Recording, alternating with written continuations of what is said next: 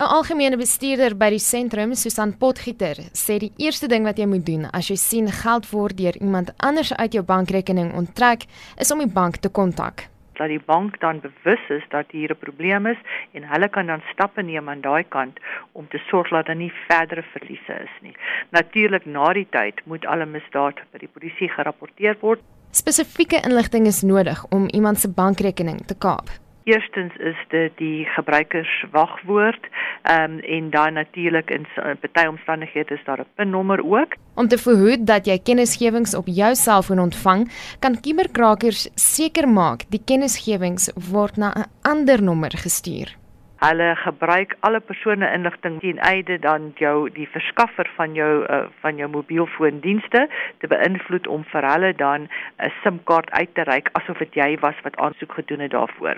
Sodra daai SIM-kaart geaktiveer is en hy's in besit van die krimineel, sal hulle dan al die konfidensiële boodskappe kry wat vir jou bedoel is. Heelwat mense word gevang deur e-posse wat lyk asof dit van hulle bank of ander betroubare bronne afkom dan neem dit jou na 'n webwerf toe gewoonlik en dan word jy sekere vrae gevra wat gewoonlik konfidensieel van aard is. Omdat jy dink jy praat met jou eie bank, tik mense dan daai konfidensiële inligting in.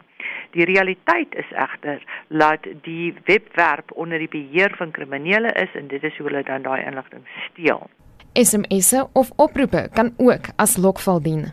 Hulle sal jou bel en dan sal hulle maak of hulle van die bank af is en dan onder die vaandel van sekuriteit sal hulle sê ons uh, graag sekere inligting met jou deel meedeel ten einde jouself te beskerm maar ons moet seker wees ons praat met die regte persoon en dan gebruik hulle daai tegniek om jou dan te flous dat jy van jou persoonlike inligting wat hulle nodig het dan so aan hulle meedeel.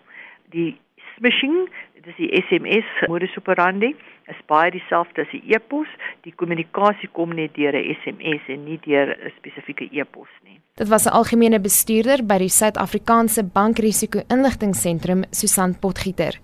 Sy sê bewustheid onder landsburgers oor die taktieke is baie beter as in die verlede. Tog pas kuberkrakers hulle tegnieke van tyd tot tyd aan. Ek is Marlene Forsie vir SAK nuus.